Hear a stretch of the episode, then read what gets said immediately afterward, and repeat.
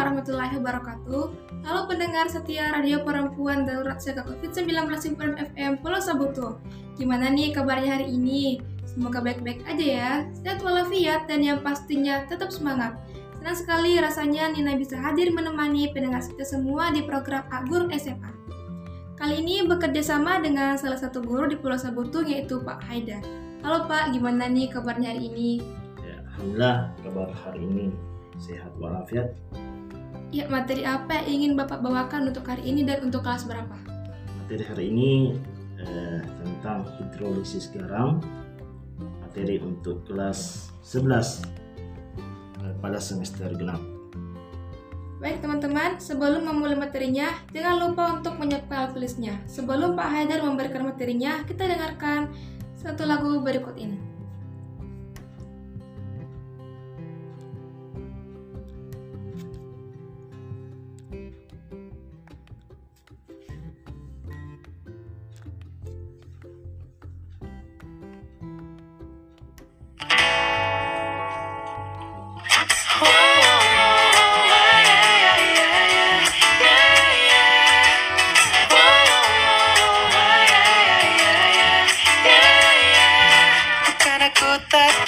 Tertarik dengan kata rayuanmu.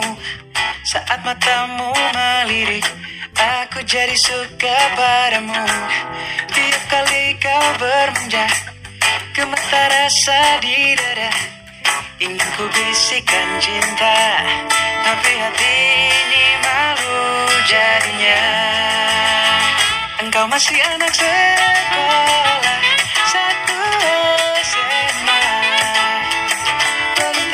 waktu untuk begitu begini Anak sekolah. Datang kembali. Dua atau tiga tahun.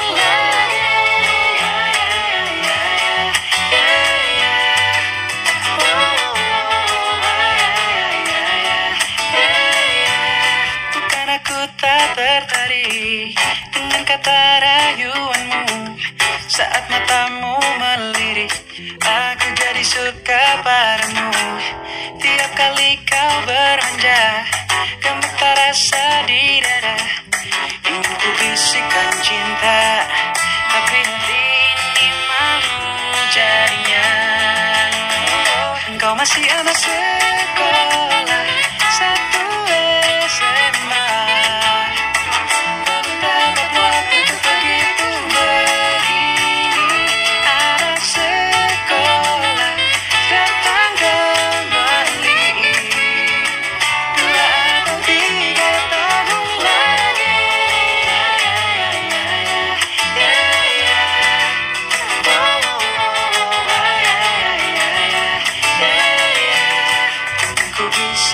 cinta Tapi hati ini malu jadinya.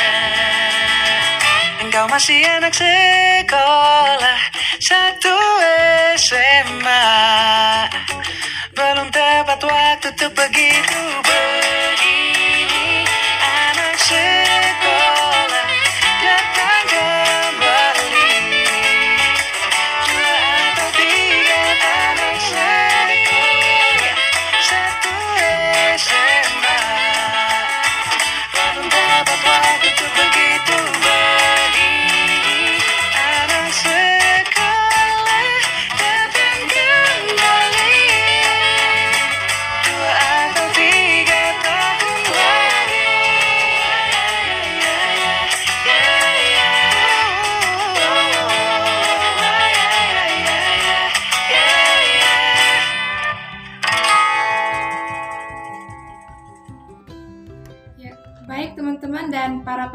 perenuh, kembali lagi bersama saya Nina di program Agur SMA. Untuk Pak silahkan memulai materinya. Baik, terima kasih Adelina atas ke- kesempatan yang diberikan untuk memberikan materi di acara Radio Siperen FM. Baiklah, seperti yang saya sampaikan bahwa materi yang saya akan berikan pada hari ini yaitu tentang hidrolisis garam pada kelas 11 semester genap. Eh, tujuan yang nantinya bisa kita capai atau siswa yang eh, yaitu mampu menjelaskan ciri-ciri garam yang dapat terhidrolisis air dan eh, dapat menentukan sifat garam dan jenisnya yang terhidrolisis. Jenis garam dan reaksi hidrolisis. Eh, Hidrolisis garam adalah terurainya garam dalam air yang menghasilkan asam dan basa. Eh, Materi asam dan basa pernah saya sampaikan eh, bahwa asam itu adalah zat yang jika direaksikan dengan air akan menghasilkan ion H+. Dan basa adalah zat yang jika bereaksi dengan air akan menghasilkan ion OH-. Eh, Bagaimanakah hidrolisis dapat terjadi? Nah, hidrolisis garam hanya terjadi jika salah satu atau kedua komponen penyusun garam tersebut berupa asam lemah dan atau basa lemah. Nah, jika komponen garam tersebut berupa asam kuat dan basa kuat, maka komponen ion dari asam kuat ataupun basa kuat tersebut tidak akan terhidrolisis. Jadi itu syaratnya ya, zat asam dan basa yang bisa eh, terhidrolisis. Jika hidrolisis menghasilkan H3O+ atau H+, maka larutan bersifat asam. Tetapi jika hidrolisis menghasilkan ion OH-, maka larutan bersifat basa. Nah, Beberapa kemungkinan reaksi hidrolisis yang dapat terjadi. Yang pertama, ion garam bereaksi dengan air menghasilkan ion H+, menyebabkan konsentrasi ion H+ lebih besar daripada konsentrasi ion OH- sehingga larutan bersifat asam. Yang kedua, ion garam bereaksi dengan air dan menghasilkan ion OH- menyebabkan konsentrasi ion H+ lebih kecil daripada konsentrasi ion OH- sehingga larutan bersifat basa. Yang ketiga, ion garam tidak bereaksi dengan air sehingga konsentrasi ion H+ dan OH- di dalam air tidak berubah dan larutan bersifat netral. Ya, baik teman-teman dan para pendengar si perenung, itulah tadi beberapa penjelasan tentang hidrolisis garam. Sebelum kita melanjutkan kembali materinya, kita dengarkan lagu berikut ini.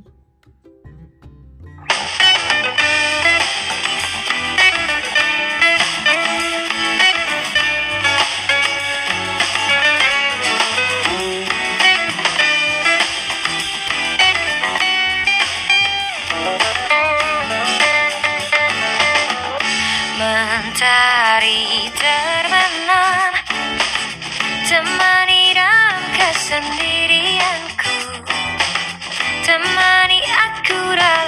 dalam kepedihan Ini ku bertahan. Mentari terbenam Beri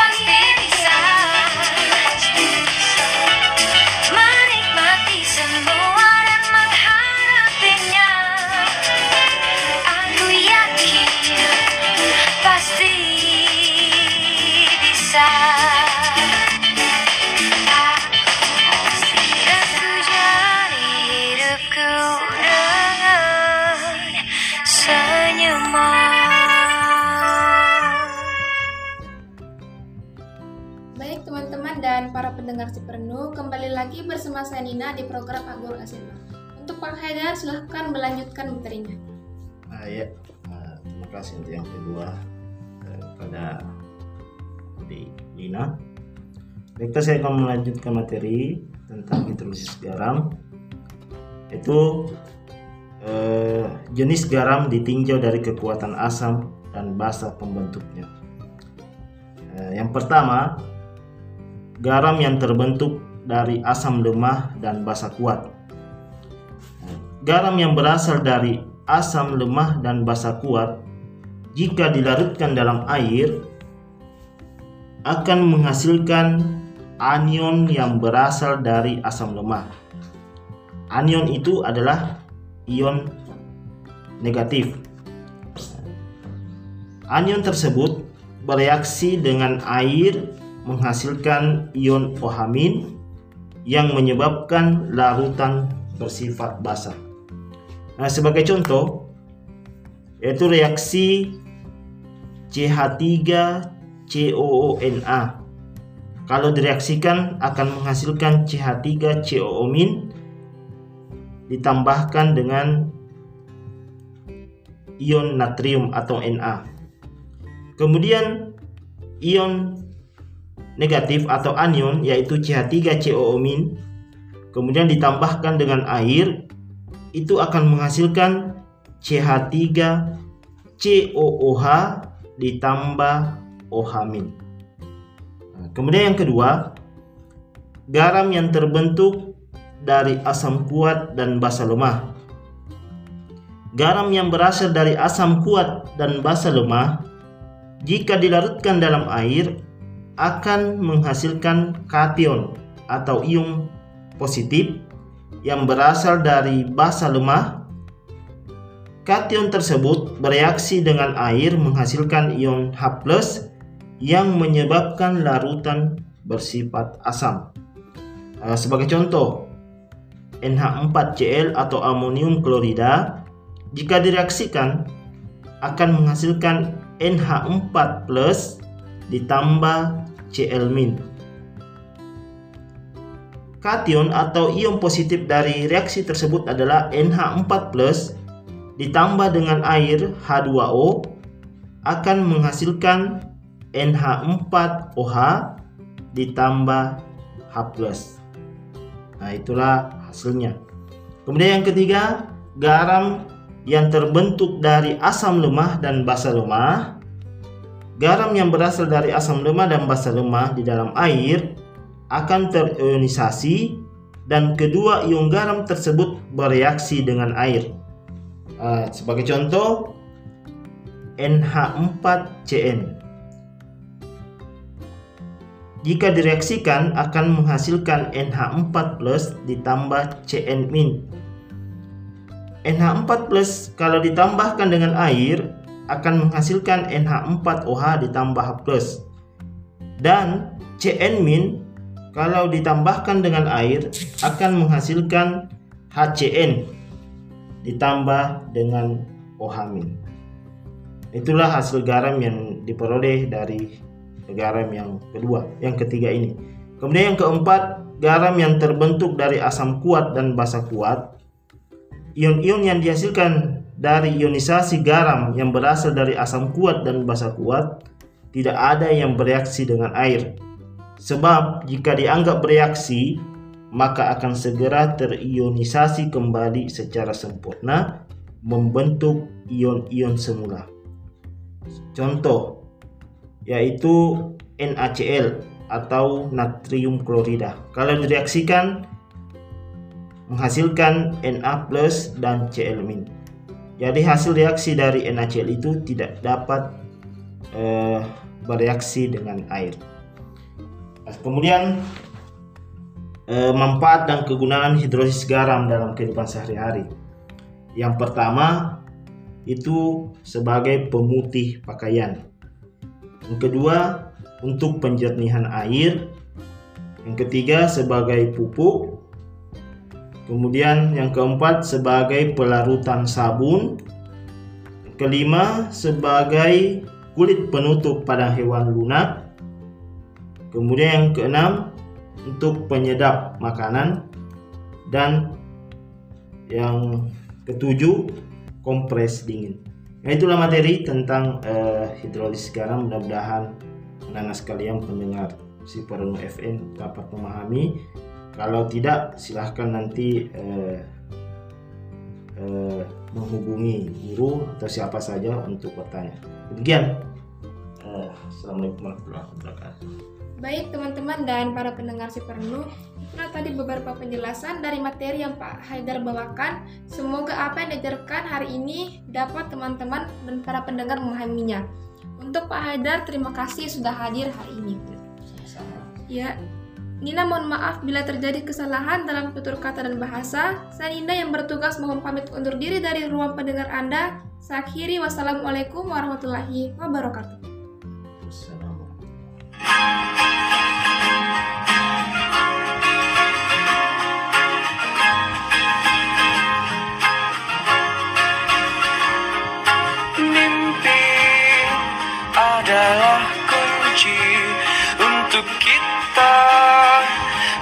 Menaklukkan dunia berlarilah tanpa lelah sampai engkau meraihnya. Laskar pelangi takkan terikat waktu. Bebaskan mimpimu di angkasa warnai bintang di jiwa.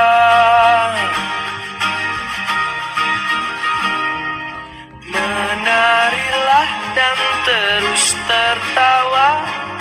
Walau dunia tak seindah surga bersyukurlah pada yang kuasa. Cinta kita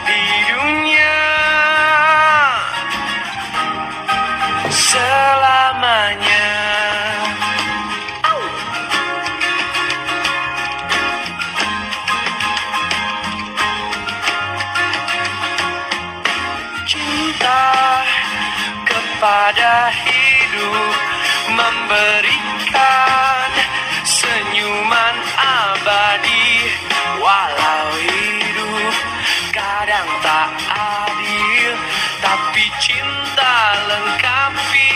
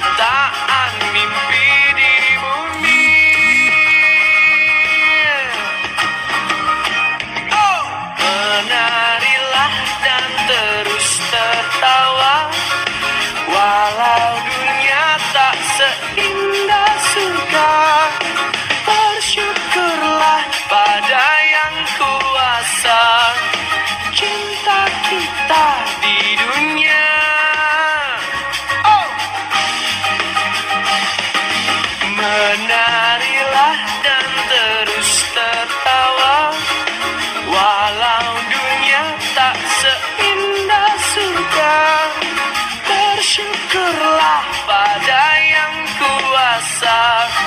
Cinta kita